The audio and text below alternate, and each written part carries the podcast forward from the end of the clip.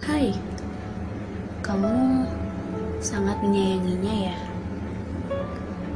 Iya, semuanya terlihat dengan sangat jelas. Dia terlihat sangat tulus dan juga sangat baik. Bahkan, dengan ketidaksempurnaannya, tetap saja akan terlihat sempurna di matamu. Untuk membayangkan suatu saat dia akan pergi pun tidak pernah terlintas dalam pikiranmu. Kamu hanya meyakini bahwa dia selamanya akan terus bersamamu. Selalu. Hah. Kamu tahu? Kamu melupakan satu hal. Bahwa sebenarnya mungkin dia tak akan selalu bersamamu.